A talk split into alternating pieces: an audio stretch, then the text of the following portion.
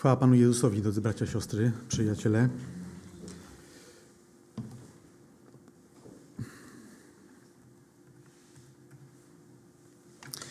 Ewangelia Jezusa Chrystusa, Syna Bożego.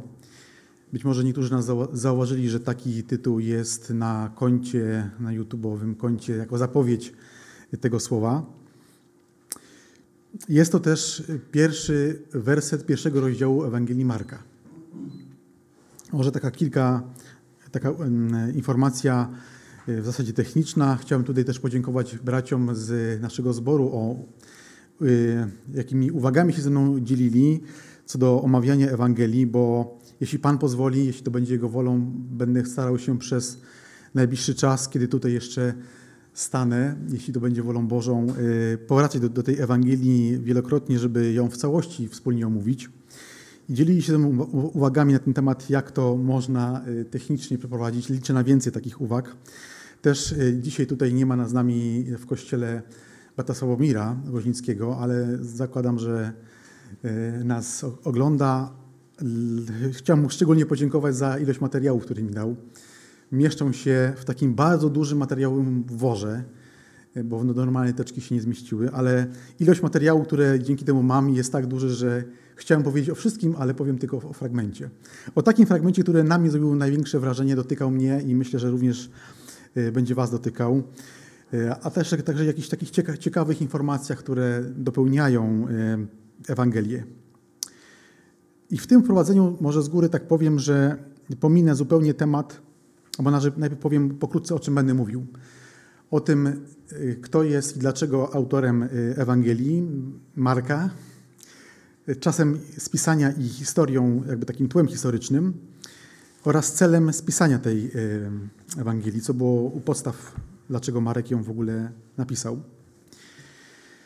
Ale zupełnie pominę kwestię pierwszeństwa czy kolejności Ewangelii. Mamy Ewangelię Mateusza, Marka, Łukasza i Jana.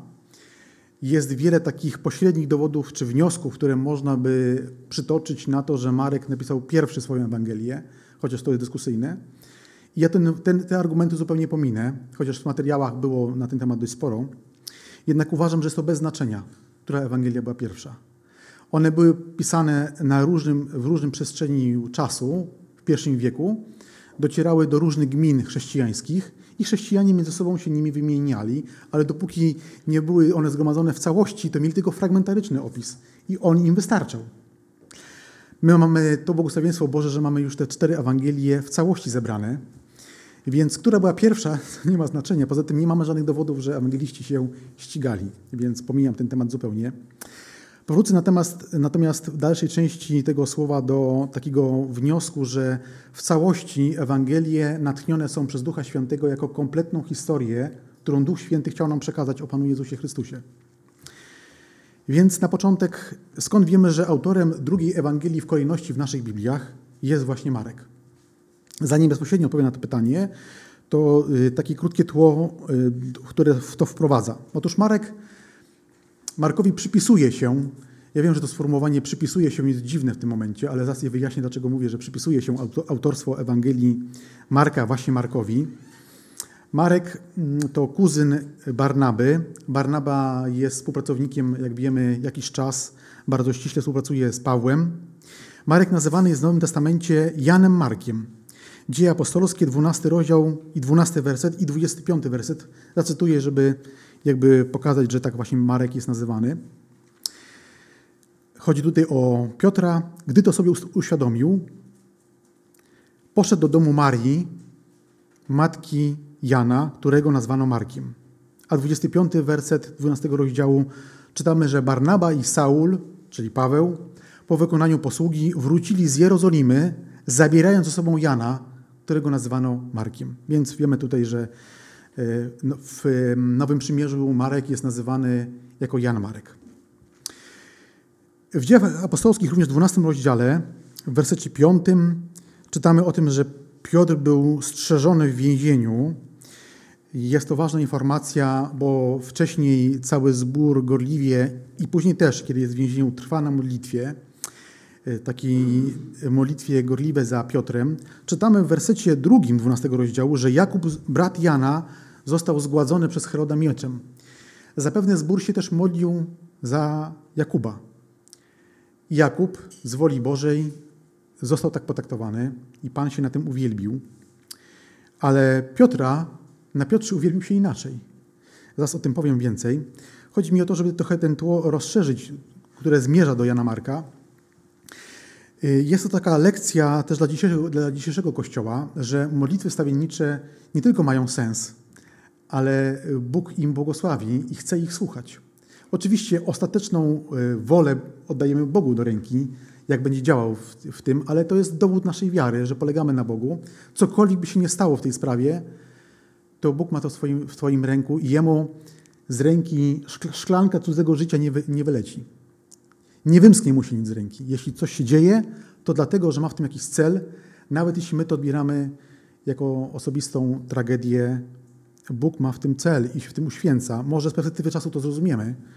Może dopiero wtedy, kiedy Pan nas pochwyci, albo dożyjemy y, swojego odejścia z tego świata, ale ma to swój głębszy sens. Wiemy o tym z całego Pisma Świętego. Jest to taka prawda, którą chrześcijanie głoszą, chociaż kiedy, mówię to z własnego życia, kiedy jesteśmy w dolinie cienia, swojego cienia, to bardzo trudno dostrzec y, tą prawdę, że Bogu się nic z ręki nie wyślizguje.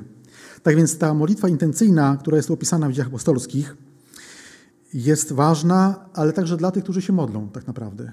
To też nas kształci, kształcą takie modlitwy. Powracam teraz do e, tego ścięcia mieczem Jana i do samego mm, Piotra, bo w wersecie szóstym czytamy, że Herodowi, Herod zobaczył, że trochę wcześniej też, że to spodobało się Żydom, że jak ściął Jakuba, no to oni byli zadowoleni, więc podjął decyzję, że teraz też zetnie mieczem, albo jakoś inaczej zgładzi Piotra. Co prawda w przekładzie współczynionej Biblii Gdańskiej mam tutaj określenie, że Herod miał go wydać i można by zadać sobie pytanie, na czym polegało to wydanie. To w przekładzie toruńskim jest taka e, ta sugestia rozwinięta, to zdanie jest rozszerzone i czytam tutaj, gdy Herod zamierzał wyprowadzić czy wydać na stracenie Piotra. Skoro widział, że to się Żydom podoba, zabijanie uczniów Chrystusa, to może kolejnego też E, prowodyra całej sprawy zetniemy. Tym bardziej, że wiemy, że Piotr bardzo intensywnie działał w Jerozolimie. I cały zbór się modli. Wtedy anioł uwalnia w cudowny sposób Piotra z więzienia. E, I Paweł trochę, Paweł, Piotr trochę oszołomiony. I 10 i 12 werset, może do 12 czytamy. Kiedy Piotr poszedł, doszedł do siebie, powiedział: Teraz wiem na pewno, że Pan posłał swego anioła i wyrwał mnie z ręki Heroda i z wszystkiego, czego oczekiwał lud żydowski. Dwunasty werset. Gdy to sobie uświadomił, to czytałem ten fragment wyżej, przyszedł do domu Marii, Jana Marka, zwanego Janem Markiem, gdzie zebrało się na modlitwie, y, zebrał się na modlitwie Kościół. Tak więc, przechodząc teraz na tym tle do Jana Marka, możemy powiedzieć, że Marek miał możliwość jako młodzieniec e, od samego początku bezpośrednio obcować z ludźmi i z Panem Jezusem, chociaż w tej historii ewangelicznej nie, prze, nie przeplata się bezpośrednio. I zaraz też o tym powiemy, że e, nie chodził z Panem Jezusem Marek. To miał kontakt z tymi, którzy mieli kontakt z Panem Jezusem i sam też osobiście miał ten kontakt, bo zaraz też to rozwinę. Dom jego mamy był takim punktem zbornym w Jerozolimie dla pierwszych uczniów. I chociaż na początku Marek, na początku swojej drogi duchowej, swojej misji, czy tam służby, tak byśmy mogli powiedzieć, zawiódł, bo wiemy, że opuścił Barnabę i Pawła w podróży misyjnej, ewangelizacyjnej, to wiemy, że z czasem, tutaj cytuję taką parafrazę, można z Pisma Świętego wyciągnąć, że był wielce zaufanym współpracownikiem Pawła. Czytamy o Marku, Janie Marku w Kolosan 4,10, szybko to cytuję. Pozdrawia was Arystarch, to są słowa Pawła, mój współwięzień i Marek, siostrzeniec Barnaby, co do którego otrzymaliście polecenie, przyjmijcie go, jeśli do was przybędzie. A w liście do Filemona, w 23 i 24 wersecie czytamy Pozdrawiają was Epafras, mój współwięzień w Chrystusie, Marek, Arystarch, Demas, Mateusz, yy, przepraszam, Łukasz. Tu też widać, że Łukasz i Marek jako ewangeliści się znali. Y, I z dziejów apostolskich 15 rozdziału, końcówki tego rozdziału, 38 do 41, widzimy, że Barnaba i Paweł kłócą się o, o Jania Marka, że on ich zawiódł. Znaczy opuścił ich tak i dalej już nie podróżował, wrócił do domu. I w kolejną misję Barnaba jako krewniak też Marka chce go zabrać, a Paweł mówi nie, no bo on nas zostawił, więc nie może na nim polegać. Zresztą kiedy śledzimy listy Pawłowe i w ogóle dzieje apostolskie, widzimy, że Paweł, chociaż mamy go za takiego filar, filar ewangelizacji, to bardzo niezręcznie się czuł, bo był człowiekiem, kiedy był sam. W Atenach był jakiś czas sam, tam się przechadzał i poruszały go te świątynki liczne i bałwochwalstwo. Jednak prosił braci, żeby szybko do niego wrócili, bo jak każdy człowiek potrzebujemy wsparcia innych współbraci. Nawet w takim, nawet taki, można powiedzieć, mąż wiary jak Paweł potrzebował tego, żeby inni go wspierali. Więc nie, skoro nie mógł polegać na Janie Marku, no to nie chce go zabrać, tak? bo może znowu ich opuści. Ale co ciekawe, w drugim liście do Tymoteusza, w czwartym rozdziale, jedenastym wersecie, Paweł szczególnie cenił już wtedy Marka i cytuję tę wypowiedź 2 Tymoteusza 4,11. Tylko Łukasz jest ze mną, znowu Łukasz się przewija. Weź Marka i przyprowadź go ze sobą, bo jest mi bardzo przydatny do służby. Tak więc coś się stało w Marku, jakaś przemiana y, duchowa, że z tego człowieka, na którym nie można było polegać, teraz jest kimś, kto Paweł wręcz prosi, żeby on przyszedł, bo jest mu niezbędny do tego, żeby dalej mógł swoje zadania w służbie realizować. Kilka słów może o samym Janie Marku. Trzeba to dopowiedzieć. Należał do zamożnej rodziny. Na przykład Barnaba y, też y, mógł się cieszyć tą zamożnością, bo na przykład w Dziejach Apostolskich w czwartym rozdziale 36 wersecie i 37 czytamy, że Barnaba jako syn pocieszenia, bo tak jego imię się oddaje, składa pieniądze u stóp apostołów. Marek, najpewniej kilkanaście lat młodszy od apostołów, y, ocenia się, że może około dziesięciu. Y, wychowany w dość zamożnej rodzinie. Pismo Święte wspomina tylko o mamie Marka, o Marii. Y, nie wspomina o jego ojcu, więc można wyciągnąć wniosek, że była, była wdową ale miała dom z piętrem, miała też służbę, to też do, do, doczytujemy z Pisma Świętego i z informacji pozabiblijnych, więc y, miał też dobre wykształcenie y, i ciepło, tak? takie ciepło fizyczne w domu, tak? bo nie musiał walczyć y, jakąś straszną pracą swoich rąk o to, żeby móc się utrzymać, bo miał to zapewnione w domu. I tutaj, jeśli chodzi o ten dom, i to, jak wpłynęło, wpłynęło, e, to na Marka, to też trzeba powiedzieć o tym, że mm, z takich pośrednich wniosków, które płyną też z Pisma Świętego, można wnioskować, że był to szczególne miejsce w Jerozolimie, gdzie często Pan Jezus spotykał się z uczniami, bo on, ten dom był e, chętnie otwarty na Pana Jezusa i uczniów, a takich miejsc e, tak dobrze zaopatrzonych i takich przystani w Jerozolimie nie było zbyt dużo. Myślimy, że chyba raczej ta jedna. Wszystko na to wskazuje, chociaż to też jest takie, takie pośrednie, można się o to domyśleć, ale komentarze, komentarze to podkreślają, że prawdopodobnie właśnie w tym domu na piętrze Pan Jezus spożył z dwunastoma ostatnią wieczerzę i właśnie prawdopodobnie w tym domu również na piętrze został wylany Duch Święty. Więc jeśli tak było, można powiedzieć, że Marek miał bezpośredni kontakt cały czas z, ze zborem, z Kościołem i widział, jak się Kościół rozwija. E, Pozabiblijne wzmianki o Janie Marku to Eusebiusz z Cezarei opisuje założenie, przypisuje założenie kościoła w Aleksandrii w Egipcie właśnie Markowi. E, ale jeszcze miałem powiedzieć, skąd ta przemiana. Z tego człowieka, na którym nie można polegać, na człowieka, który, na którym można polegać i jest stały. Bardzo dużo światła na ten fragment, na tę przemianę jego rzuca jeden, jedno zdanie, Y, z listu Piotra, 5 rozdziału, 13 wersetu. Tam nawet są tylko kilka słów tak naprawdę, ale one pokazują, na podstawie tych kilku słów można wyciągnąć głęboki wniosek. 1 Piotra, 5 rozdział, 13 werset. Pozdrawia was współwybrana w Babilonie, to są słowa Piotra, i Marek, mój syn. Podobnie apostoł Paweł mówił również o Tymoteuszu, że był jego synem. Wiemy, że tu chodzi o duchowe synostwo, a nie pokrewieństwo ciała. I y, do tej zażyłej więzi między Markiem jako synem duchowym, a Piotrem jako jego ojcem duchowym mogło dojść na gruncie właśnie tego, że Marek zawiódł. Wiemy, że Piotr, Piotr również zawiódł, dużo bardziej, bo Piotr zdradził Pana Jezusa Chrystusa, trzy razy się wyrzeka i ucieka. Marek może powiedzieć, że tylko opuszcza Piotra i Barnabę, ale na pewno to wywarło na nim również wrażenie. No i ta kłótnia o niego samego, czy go zabrać. Więc jeśli byśmy poszli tym tokiem rozumowania, to Piotr ze swoich y, przeżyć wiedział, jak pomóc w wyjściu na prostą Markowi. I ta relacja była, była bardzo dla Marka pomocna. Poza tym później widzimy, że Marek jest człowiekiem, na którym można polegać i również y, człowiekiem, który przy, przykłada ręce do rozwoju Ewangelii.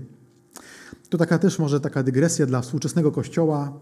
Te relacje między młodym wierzącym, mam tu też na myśli, albo przede wszystkim swoją osobę, a dojrzałymi braćmi jest bardzo ważna w zborze, bo yy, wiele można uwag y, przyjąć, wiele można sugestii wysłuchać, które mają na celu Y, między tym dojrzałym chrześcijaninem, a tym, który rozpoczyna drogę za Panem Jezusem, no pomóc w tym, w tym rozwoju. Ta, więc ta, te duchowe ojcostwo, czy duchowa przewodzenie, y, czy pokazywanie, ten związek między y, młodym kimś duchowo, czy dojrzałym duchowo bratem lub siostrą jest bardzo ważny. I chociaż z racji może swojego wieku do najmłodszych już nie należę, Chociaż może osoba, która ma lat 80 czy więcej, powiedziałaby, że jeszcze jestem bardzo młody. Pewnie tak jest z tej perspektywy, ale z perspektywy ogólnie to bym powiedział, że to jest taki wiek średni, bardziej wchodzący w wiek średni. E, to jednak co do e, młodości w, w, w Panu, to z całą pewnością tak, kilka lat to nie jest zbyt dużo.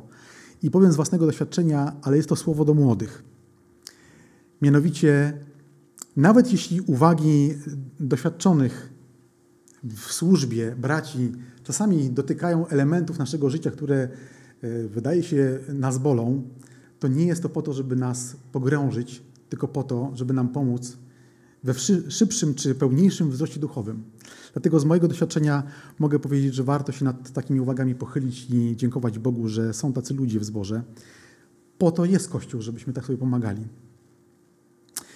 Ale powiedziałem też wcześniej, dlaczego użyłem takiego sformułowania, że Markowi przypisuje się autorstwo Ewangelii właśnie według Marka. Dlaczego przypisuje się autorstwo? Otóż poza Ewangelią Łukasza Jana, gdzie można bardzo łatwo dojść do wniosku, kto był autorem tych dwóch Ewangelii, no, Łukasz też pisze e, dzieje apostolskie, więc można to sobą powiązać.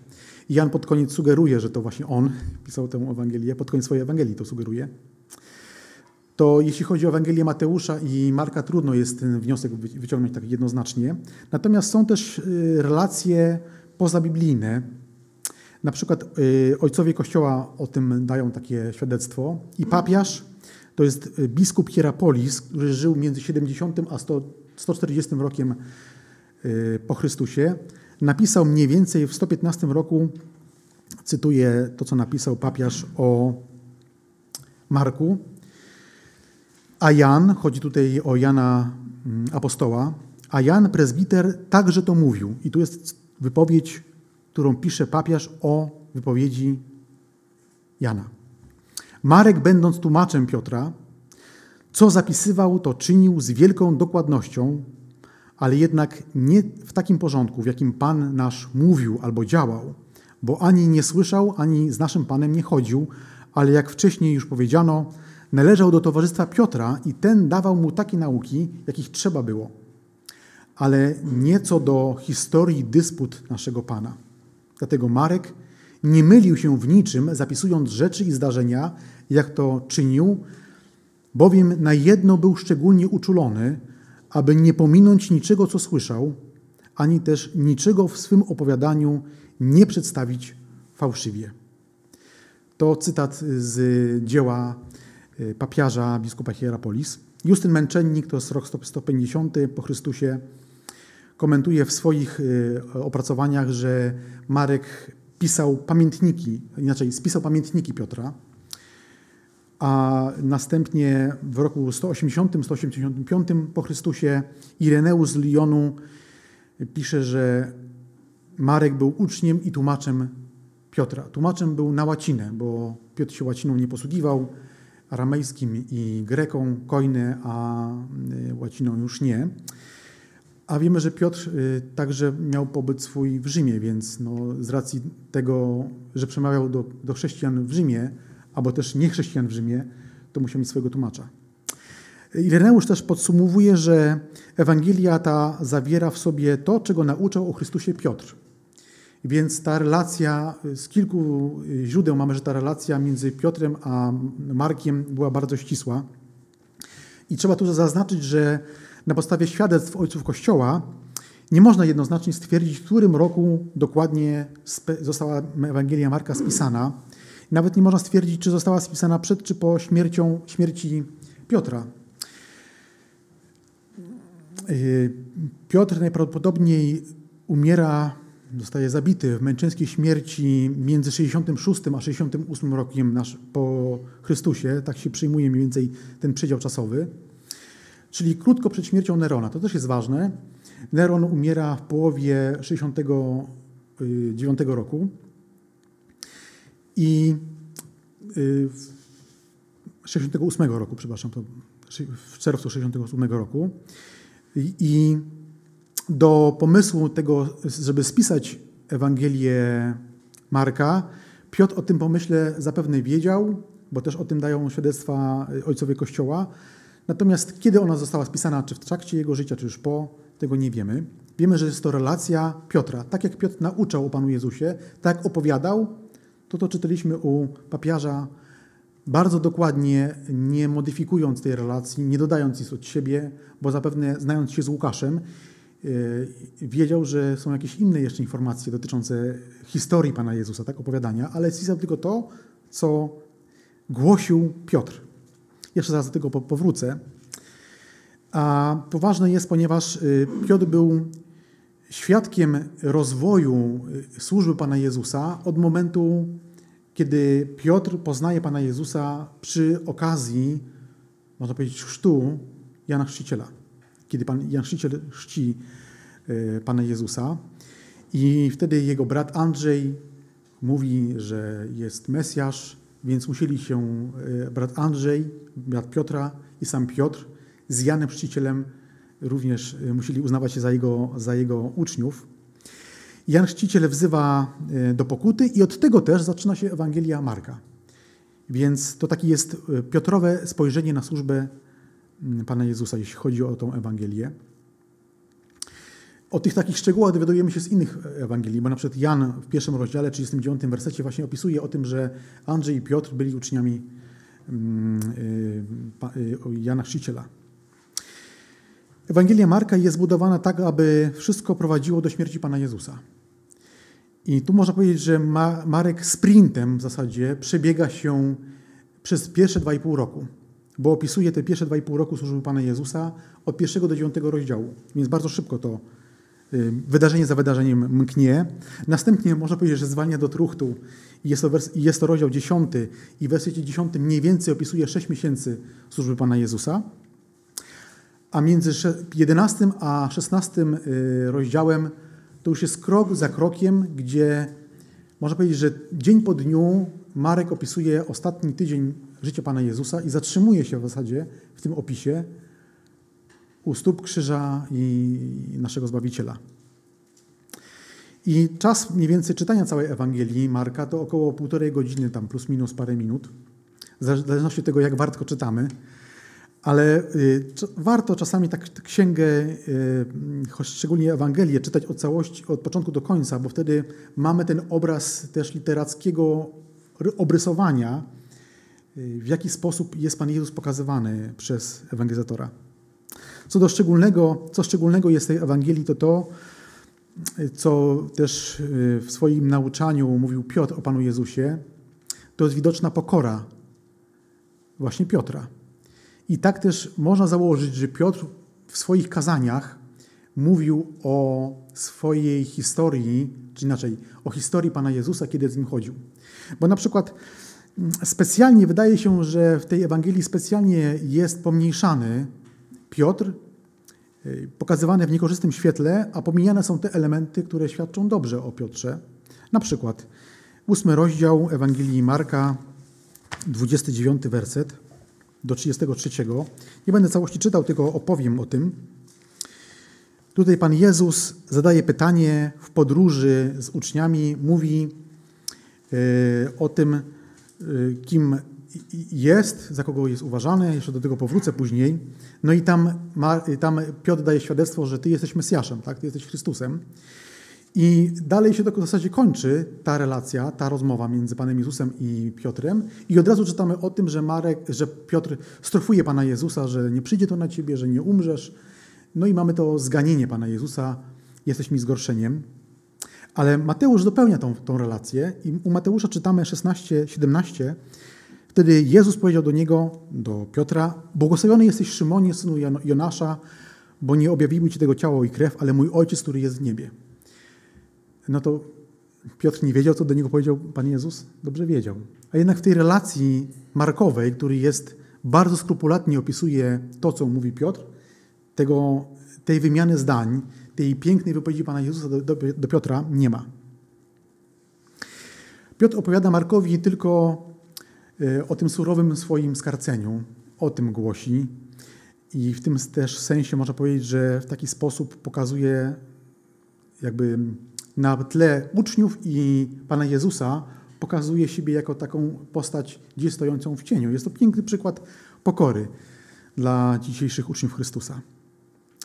Kilka słów co do czasu spisania tej Ewangelii. Już trochę o tym wspomniałem, ale chcę dopowiedzieć. Należy zauważyć, że pierwszy list Piotrowy został napisany po pożarze Rzymu. Pożar Rzymu to 18-19 lipca 1964 roku. Trwał kilka dni, jak wiemy z historii Y, bardzo duża część Rzymu ówczesnego spłonęła z miejscami kultu i bardzo łatwo było obarczyć chrześcijan z kilku powodów. Tych powodów jest bardzo dużo, ale o, kilka, o kilku warto wspomnieć. Otóż chrześcijanie byli, mówię chrześcijanie, ale to uczniowie Chrystusa, bo wtedy jeszcze nie nazywano tak uczniów Chrystusa chrześcijanie, ale dla ułatwienia y, tej wypowiedzi używam tego skrótu myślowego. Y, Bóg uczniów Chrystusa dla Rzymian był bardzo dziwny. Nie, miał, nie mieli swoich miejsc kultu, nie mieli żadnych y, posągów, mm, żadnej takiej namacalnej, materialnej historii po Panu Jezusie. Umarł i w zasadzie go nie ma, tak? Jeszcze mówią, że zmartwychwstał, to już w ogóle jest dziwne. To jedna rzecz była dziwna w oczach rzymskiego człowieka, ta wiara. Po drugie, Rzymianie uważali chrześcijan za jakąś taką dziwną, wynaturzoną, bym powiedział nawet, sektę żydowską, bo nawet sami Żydzi odcinali się od chrześcijan. Dlaczego uważali za sektę żydowską? Otóż Oczywiste jest to, że chrześcijanie głosili Chrystusa na podstawie y, tych, tych, tych części, części Pisma Świętego, które dzisiaj nazywamy Starym Testamentem, bo, nowego nie mieli. Więc głosili Chrystusa na, na tym podstawie, a skoro się wiązali z judaizmem, no to byli postrzegani jako sekta żydowska, tak bardzo dziwna, że nawet sami Żydzi się od nich odcinali i byli ich wrogami. Bardzo łatwo było wobec tego chrześcijan oskarżyć o podpalenie Rzymu, co zresztą miało miejsce. To rozpętało okrutne prześladowania i dużo chrześcijan uciekło z Rzymu i okolicznych miast mm, tego regionu. I w połowie lat 60., 64 rok i dalej te prześladowania miały miejsce. I porównując Ewangelię Marka i pierwszy list Piotra, który był napisany, napisany ku pokrzepieniu pierwszych chrześcijan, można wywnioskować mniej więcej czas spisania y, tego, tej Ewangelii. Dzięki temu możemy wyznaczyć granice. Granice spisania między 50 a 70 rokiem po Chrystusie. Y, więc nie, nie wcześniej niż 50 i nie później niż 70. Jest to o tyle ważne, że w tym czasie też y, może taka, taki margines też tytułu historycznego. Wiemy, że w 66 roku, y, jak jeszcze cesarzem jest Neron, bo 68 rok odbiera sobie życie, albo prawie odbiera sobie życie, bo to też jest, z tym różnie było, z tym jego, śmiercią różnie jest opisywana. Natomiast e, wcześniej Neron wysyła Wespazjana, jednego ze swoich dowódców, żeby uspokoił w Judzie rebelię żydowską. Wiemy, że w 68 roku w połowie odbiera sobie życie Neron, więc nie ma jakby głowy państwa, Senat wybiera Wespazjana jako następcę na, na Nerona, no to Wespazjan musi wrócić i tą władzę przejąć. Tak wraca do Rzymu. I w to miejsce do Judy posyła swojego syna Tytusa. Wiemy, że Tytus kończy sprawę zburzeniem Jerozolimy i spaleniem świątyni i ograbieniem. To jest, informacje są o tyle ważne, że w Ewangelii Mateusza, Marka i Łukasza czytamy taką wypowiedź Pana Jezusa, który mówi o świątyni: Widzisz te wielkie budowle? Nie zostanie kamień na kamieniu. Skoro nie zostanie, to można wyciągnąć prosty wniosek, że jeszcze świątynia i Jerozolima stała, bo mówi to Pan Jezus, cytowany przez Marka, Mateusza i Łukasza, jako przyszłe wydarzenie. Więc ten czas między 50 a 70 rokiem można zawęzić właśnie w tym przedziale czasowym. Co można powiedzieć czy wywnioskować o powodach i celu spisania Ewangelii Jana Marka? Cytowałem powyżej papiarza, biskupa Hierapolis i wynika z niego, że Marek spisywał kazania Pawła, y, kazania Piotra, przepraszam. Y, o tym też świadczy Eusebiusz Cezarei, Klemens Aleksandrii czy Orygenes. I chociaż ci ludzie, ci chrześcijanie y, żyli na przestrzeni 200 lat i odnosili się do swoich pism nawzajem, to jednak sprawdzali, czy rzeczywiście takie rzeczy miały. Czasami ze sobą nawet dyskutowali i polemizowali na temat różnych nauk teologicznych. Z niektórymi nawet byśmy się dzisiaj nie zgodzili, bo były one przesiąknięte też filozofią grecką. Natomiast co do jednego są zgodni w większości mm, relacji historycznej. Więc można na tym polegać, że skoro potwierdzają nawzajem swoje wnioski, można się na nich oprzeć, że właśnie y, celem spisania, czy pisarzem też był właśnie Jan Marek. Narracja jest bardzo wartka. Przynajmniej tak ona wygląda głównie w oryginale. W naszym, naszym przekładach też jest dość wartka, bo na przykład w niektórych przekładach bardzo często powtarza się słowo wtem. Tak jakby coś nastąpiło jedno wydarzenie po drugim, czyli jedne, jedne wydarzenie, w którym bierze udział Pan Jezus, goni drugie wydarzenie i to się wartko coś czyta. Inne, inne tłumaczenia y, stosują takie określenie jak niezwłocznie, to też powoduje, że coś się wydarzyło bardzo szybko po kolejnym wydarzeniu. Z przykładu, którego ja dzisiaj używam, jest takie sformułowanie, które się też powtarza, a po tym, czyli jedno wydarzenie się kończy, następne i następne jakby goniło jedno drugie. Ewangelia Marka y, też jest niej umieszczona, jakby Marek używa też wiele latymizmów, czyli takich zapożyczeń językowych z łaciny. My dzisiaj też mamy takie zapożyczenia, bo mówimy, nie mówimy najczęściej piątek, do soboty, czy do niedzieli, czy piątek, niedziela, tak? Tylko my mówimy weekend, tak sobie skracamy. Albo mówimy zamiast tak, to mówimy OK i inne zapożyczenia też, nie tylko z angielskiego. Ale nasze zapożyczenia często są związane z tym, że chcemy sobie skrócić wypowiedź, tak? I najczęściej y, możemy z nich korzystać. Natomiast zapożyczenia tych wypowiedzi łacińskich, tych słów łacińskich Marka były celowe, a nie tylko zwyczajowe, bo na przykład w Marka 15 rozdziale 39 wersecie czytamy o setniku, który w łacinie brzmi centurio. To jest odpowiednik słowa y, setnik. Ale nie dlatego, że w Grece nie występuje taki wyraz setnik, bo w Grece występuje taki wyraz, nieco trudny dla naszego języka, ale go powiem. Hekatontarches to był setnik. Więc Mateusz nie używa go, przepraszam, Marek nie używa go, a używa właśnie takich zapożyczeń językowych. Zresztą Łukasz też, jak wspomniałem, też ich też używa. Właśnie chcąc przemówić do y, poganu, pogan, do rzymskich odbiorców. I co więcej, jeszcze Marek też używa takich schematów literackich, które są też widoczne w literaturze antycznej. Na przykład y, w Ewangelii Marka widać cechy opisu życia człowieka. Na przykład no dzisiaj mówimy o biografii, tak? więc używa takich elementów biograficznych. Y, niektórzy badacze, komentatorzy widzą takie, taką spójność w tych elementach między pisarz, pisarzami tamtych czasów, jak Tacyt czy Swetoniusz, którzy też byli bardzo skrupulatnymi biografami, ale oni opisywali tylko i wyłącznie fakty z życia człowieka, którego opisywali, trzymając się wydarzenia za wydarzeniem, Marek idzie dalej, bo łączy również w swojej Ewangelii nie tylko schematy literatury biograficznej, ale również tragedii rzymskiej, po to, żeby ułatwić odbiorcy czytanie swojej Ewangelii, bo pisze właśnie do pogan. I y, Marek jednak nie pozostawia swojej, swojego dzieła takim sztucznym opisem tego, co zrobił Jezus, na zasadzie tu się wydarzyło to, tu się wydarzało tamto i koniec ale wciąga czytelnika tak bardzo, że czytelnik nie może pozostać obojętny na treść tego, co właśnie czyta.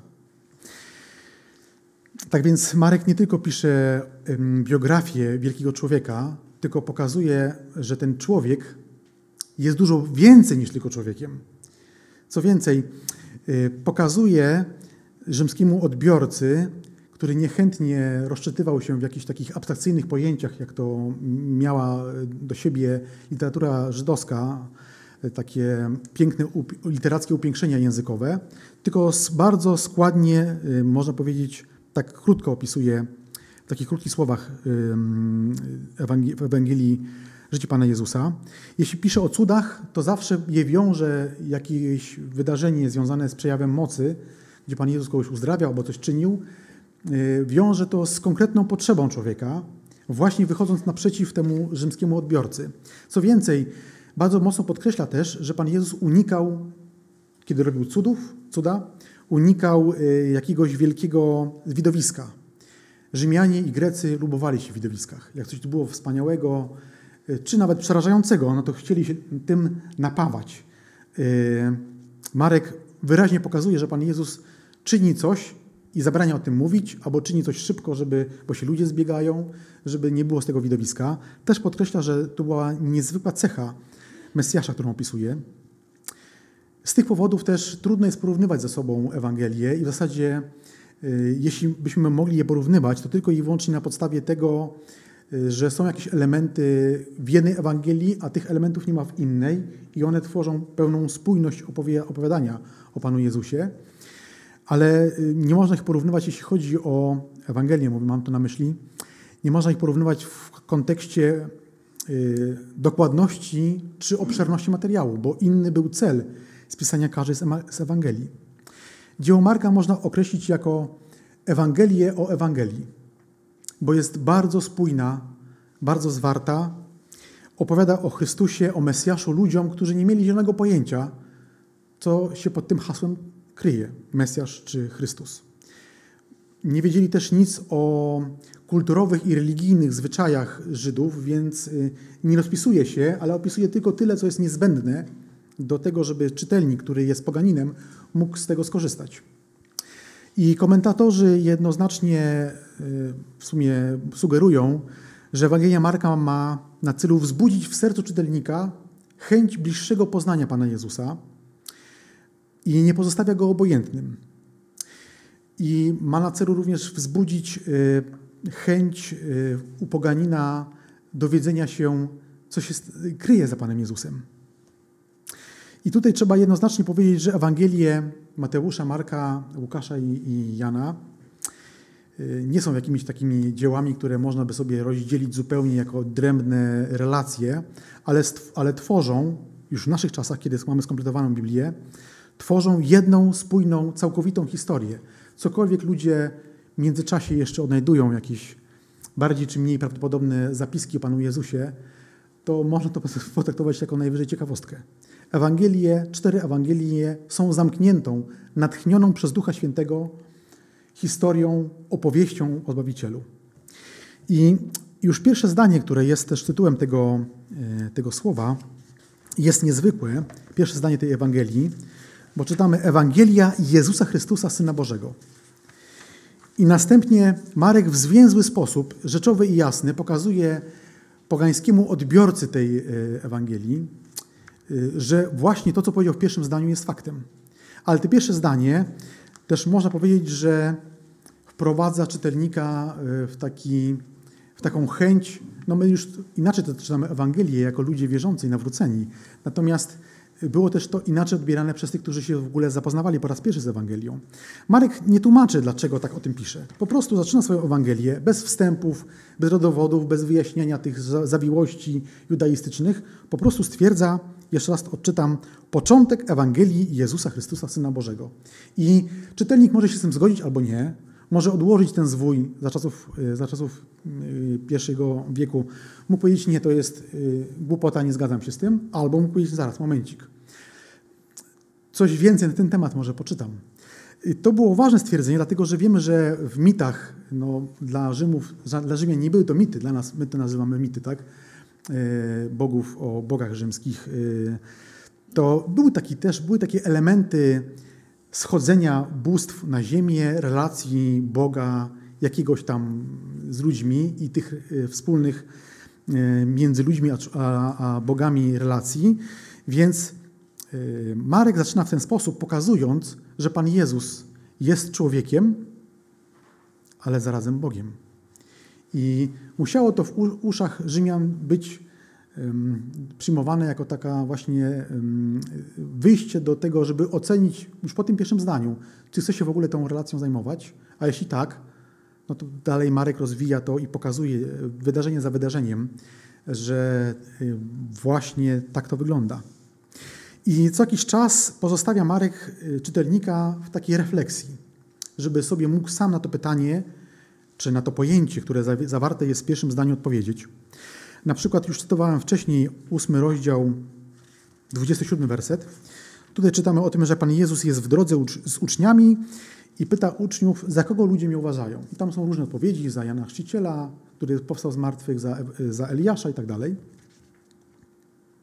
A w 29 wersecie czytamy, że Pan Jezus mówi, a wy za kogo mnie uważacie? No i wtedy Piotr mówi, ty jesteś Mesjasz, ty jesteś Chrystus. I chociaż czytelnik ma odpowiedź na to pytanie, to jednak to pytanie też powoduje, że może się zatrzymać w tym tekście, mówię o czytelniku, który był poganinem, i może sam zadać sobie pytanie, czy ja się w ogóle zgadzam z tą wypowiedzią, z, tym, z tą odpowiedzią Piotrową. Kolejnym takim e, momentem, gdzie Marek również stawia, stawia czytelnika na gruncie zastanowienia się, refleksji nad tym, co zrobić dalej z Ewangelią o Panu Jezusie, to jest 14 rozdział, 61 werset, gdzie arcykapłan pyta Jezusa, czy Ty jesteś Mesjasz, czy Chrystus, Syn Błogosławionego? I chociaż pada odpowiedź Pana Jezusa, to też czytelnik, y, będąc poganinem, nie mając związku żadnego i wiedzy o judaizmie, mógł sobie na to pytanie sam odpowiedzieć. W jednym przypadku odpowiada na to pytanie Piotr, a w drugim wypadku odpowiada na to pytanie Pan Jezus. Do tego też e, przejdę.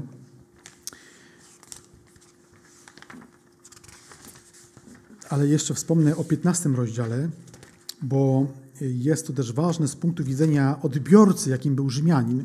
Mianowicie w 15 rozdziale Ewangelii Marka, w wersecie pierwszym i drugim czytamy, że arcykapłani ze starszymi i uczonymi w piśmie i całym Sanhedrynem odbyli naradę, po czym związali Jezusa i doprowadzili go do Piłata. I w drugim wersecie czytamy, a Piłat go zapytał, czy ty jesteś królem Żydów? Zapytał go dlatego, że z innych Ewangelii wiemy, że e, Sanhedryn i arcykapłani oskarżali Pana Jezusa przed Piłatem, że jest zdrajcą i że jest buntownikiem. No bo jakże można obwoływać się królem, będąc w państwie, które jest okupowane przez cesarstwo? To był bunt. Ale kiedy zobaczymy na 16, 14 y, rozdział, 61 werset, 60 nawet werset do 64, to czytamy tak. I stanął arcykapłan na środku i zapytał Jezusa, mówiąc: Nic nie odpowiadasz na to, co ci świadczą przeciwko tobie? A on milczał i nic nie odpowiedział. Po czym ponownie go zapytał arcykapłan i powiedział do niego: Czy ty jesteś Mesjasz, syn błogosławionego? A Jezus powiedział: Ja jestem. I tu używa tego sformułowania, które w Septuagincie było przetłumaczone ego eimi, w którym się Bóg Jahwe przedstawia Mojżeszowi przy krzaku gorącym. Ja jestem i zobaczycie Syna Człowieczego siedzącego po prawicy Boga i przychodzącego z obłokami nieba. I wtedy arcykapłan mówi, wtedy arcykapłan rozdarł swoje szaty, mówiąc, na co nam jeszcze potrzeba świadków? Słyszeliście bluźnierstwo. Co jeszcze nie jest dla was oczywiste? Wszyscy oni go osądzili, że jest winien śmierci. Tak więc pierwszym, pierwszą podstawą oskarżenia Pana Jezusa było bluźnierstwo. Na podstawie prawa mojżeszowego uznali, że jest winien śmierci, bo zbluźnił, bo się zrównał z Bogiem, nazwał się Bogiem, bo tak powiedział jak Bóg przy krzaku gorejącym, ale już przed Piłatem nie mówią, że zbluźnił. Mówią, że jest zdrajcą. I czytelnik, który to śledził, nawet ten Rzymianin, tak, poganin, widzi tą niespójność pomiędzy jednym oskarżeniem a drugim. Jedna jest dla niego ważna, no bo cesarstwo rzymskie nie może być, e, no, nie pozwalało sobie na bunt, a z drugiej strony widzi, że to nieprawda, że on nie był buntownikiem, tylko leżało to u podstaw tego oskarżenia o bunt Pana Jezusa, czy o zdradę cesarstwa, leżała, leżało to, że Żydzi mieli mu za złe, że tak o sobie mówił. Więc czytelnik nie pozostaje podczas lektury, e, nie pozostawia, mm, e, jakby Marek nie pozostawia mu e, takiego wolnego mm, odczytywania po prostu, żeby później odłożyć tą, tą biografię na półkę, ale musi sam sobie na pytanie odpowiedzieć sam przed sobą, kim on właściwie jest. Bo jeśli ten Rzymianin, poganin, czytając tą Ewangelię, albo słuchając ją, bo tak też były odczytywane Ewangelie, odpowiada sobie na pytanie, kim on właściwie jest i dochodzi do wniosku, no to jeszcze jedna, z, jeszcze jedna z biografii, jak wiele już czytałem w swoim życiu, no to odkłada i nic się z nim nie dzieje. Ale jeśli odpowiada sobie na to pytanie, że na to pytanie, kim on jest, że to jest Mesjasz, Syn Boży, to już wtedy nie może pozostać obojętny. Co ze swoim życiem musi zrobić. I do tego właśnie w swojej Ewangelii zmierza Marek. Y, to tak dzisiaj takie były techniczne bardzo informacje. Y, w następnych tygodniach, jeśli Bóg pozwoli i będę mógł tutaj być zaproszony przez braci, to będę chciał rozwijać kolejne myśli, ale bardzo proszę zakończmy te rozważania tym, co jest najważniejsze, mianowicie pierwszymi 15 wersetami pierwszego rozdziału. Będzie wyświetlony na ekranie przekład Ewangelicznego Instytutu Biblijnego. Ja odczytam y, z przekładu toruńskiego. Początek Ewangelii Jezusa Chrystusa, Syna Bożego. Jak jest napisane u proroków, oto ja posyłam swego posłańca przed Tobą, przed Twoim obliczem, który przygotuje Twoją drogę przed Tobą. Głos wołającego na pustyni. Przygotujcie drogę Pana, prostujcie ścieżki Jego. Jan był tym, który chrzcił na pustyni i głosił chrzest upamiętania na odpuszczenie grzechów. I zaczęła wychodzić do niego cała kraina judzka i mieszkańcy Jerozolimy i wszyscy byli przez niego chrzczeni w Jordanie, wyznając swoje grzechy. A Jan przyodziany był w sierść wielbłąda, a wokół swoich bioder miał skórzany pas i jadł szarańcze i polny miód. Głosił też mówiąc, idzie za mną mocniejszy ode mnie, któremu nie jestem godny, schylając się, rozwiązać rzemienia jego sandałów. Ja wprawdzie chrzciłem was w wodzie, on natomiast będzie was chrzcił w Duchu Świętym. I stało się w tych dniach, że Jezus przyszedł z Nazaretu w Galilei i został ochrzczony przez Jana w Jordanie. I zaraz, gdy wychodził z wody, ujrzał rozdarte niebiosa i ducha stępującego na niego jakby gołębica i rozległ się głos z nieba. Ty jesteś moim umiłowanym synem, którym złożyłem swoje upodobanie. I zaraz duch wypchnął go na pustynię i był tam na pustyni przez 40 dni kuszony przez szatana i był ze, zwierzętami, a aniołowie mu służyli. A po tym, gdy Jan został wydany, przyszedł Jezus z Galilei, głosząc Ewangelię Królestwa Bożego i mówiąc – wypełnił się czas i przybliżyło się Królestwo Boże. Upamiętajcie się i wierzcie w Ewangelię. Amen.